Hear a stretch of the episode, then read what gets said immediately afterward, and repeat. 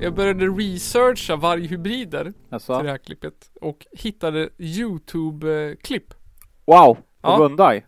Nej, en hittade en hel lång jävla konferens om varghybrider. Som var Alltså. flera timmar lång. Va? Ja. Kollar du på hela? Nej, den disciplinen har jag inte att lyssna på den där så länge. Men först, den börjar med en gubbe som heter Nils Björklund. Okej. Som jag la ut på Instagram också. Som är någon sorts introduktionstalare till det här. Eh, och han ska prata om varför vargjakten är så viktig. För det Okej. undrar man ju mycket. Är det, bara så här, är det bara för att de äter upp folks eh, vilthundar? Han ska, han ska berätta lite om det för oss nu. Sen kan du lyssna lite. Så här Så här! har jag växt upp alltså. Det här är våra gamla traditioner. Man måste kunna sin historia för att förstå det här. Så här när flickan med lammet. Jag har lamm hemma, får lamm varje vår. Va? Och vi har löshundar här och vi har flickor som är ute och rider. Ja, va? Vi har en vildmark som har varit fantastisk, som våra förfäder har byggt upp. Va? Och fiske och jakt och hela den här biten. Ja.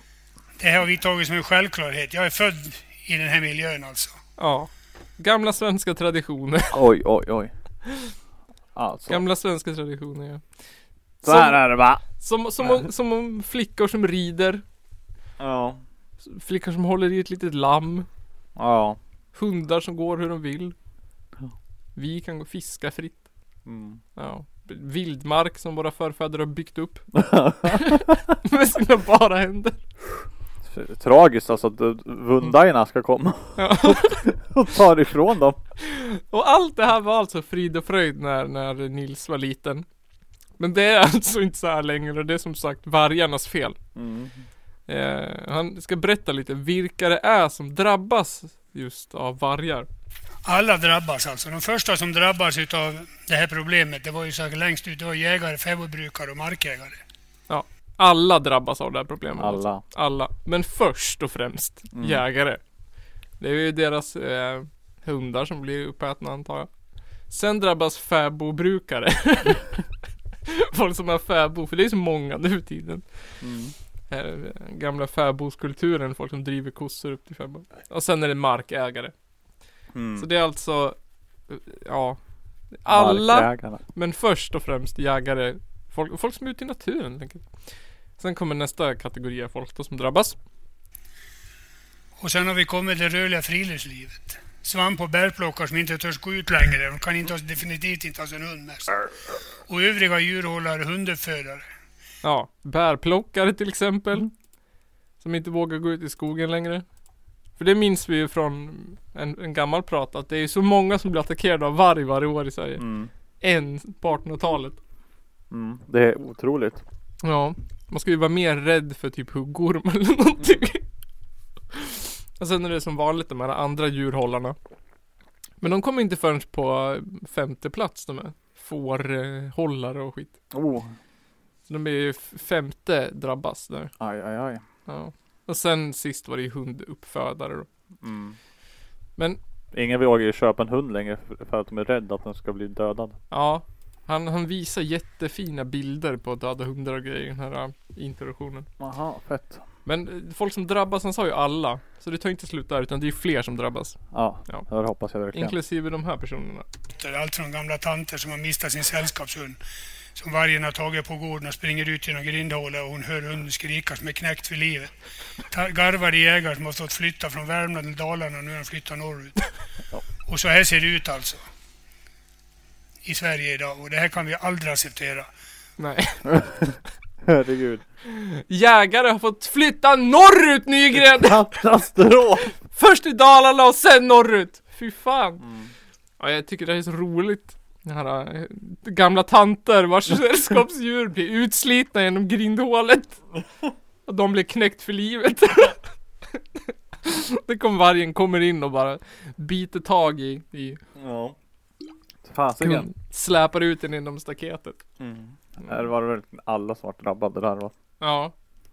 Och ja, nu vet vi Att det är vargen och vilka som drabbas. Men vems fel är det då? För det är ju Mhm. obviously inte vargens fel. Nej. Nej.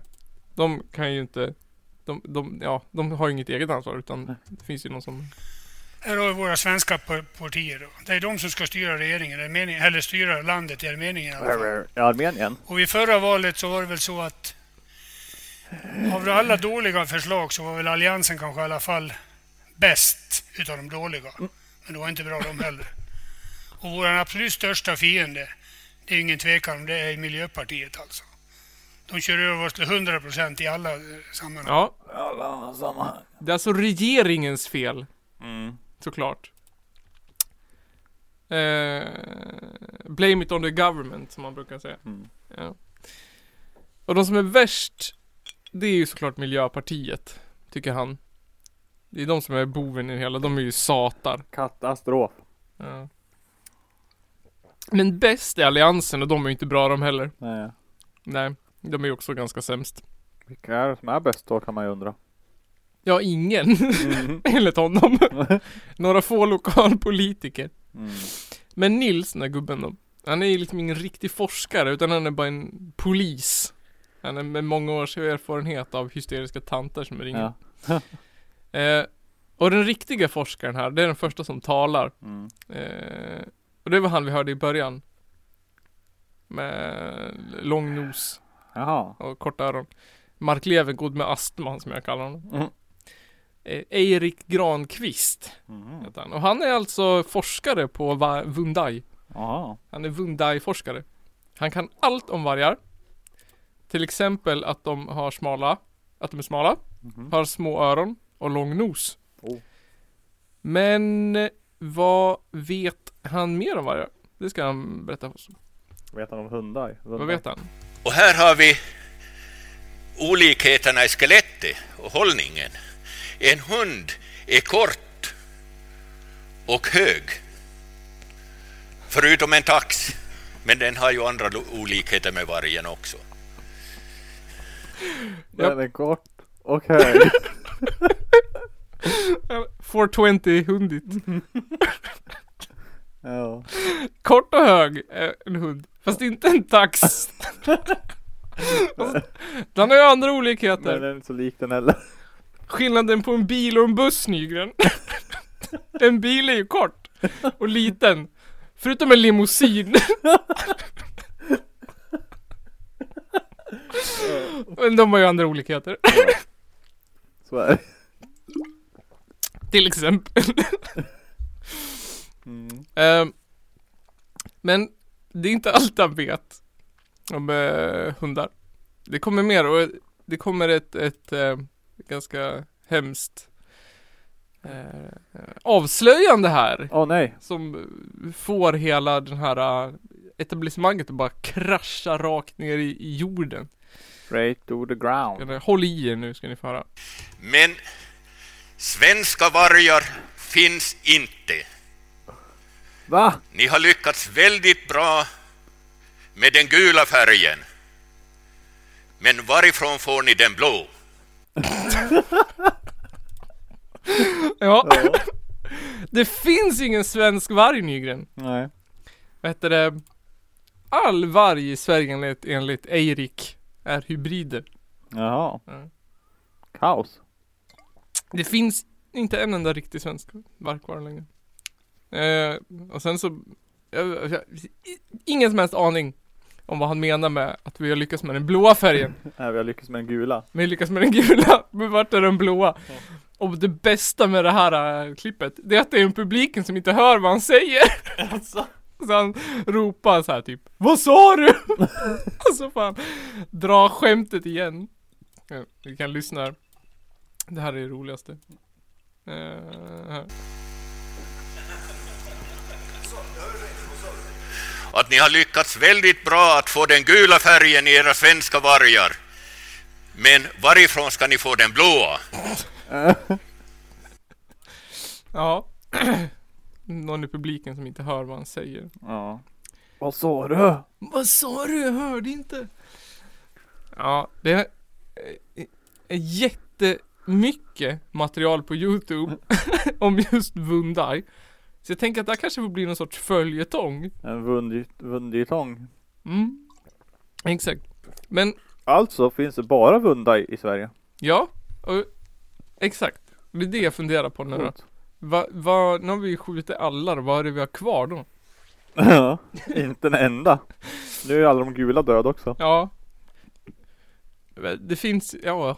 eh, Vad är det blå? Vad är det gula? Jag förstår inte riktigt vad han menar. Inte heller. Det är konstigt. Har han en bild som han visar? Här är det gula vargar. Men det finns inga blåa vargar här. Den här första gubben, han har ju en bild som visar hur det är, var förr. Mm. När den här flickan med lammet och idylliska bilder. Ja. Och sen har han en bild på hur det är nu.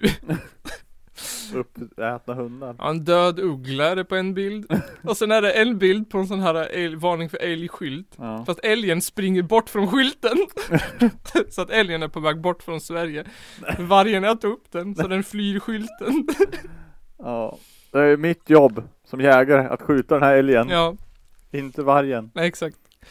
Och så, ja, jag googlar lite. Man blir intresserad, ja okej. Det, vargen förstör liksom hela vårt förbannade kulturarv och våra traditioner och vi kan inte gå ut i skogen och det ena med det andra liksom. Men vad är det den gör egentligen? Så då har jag kollat runt lite. Och enligt vissa sidor så gör vargen ingenting. Nej. Nej, alltså om vargen försvann, Mm. det skulle inte göra någon skillnad. Nej. Nej, vi skulle få mer älg. Eh, men älg skjuter vi ju ändå. Jaha. Ja. Skulle bara skjuta mer älgar. Ja.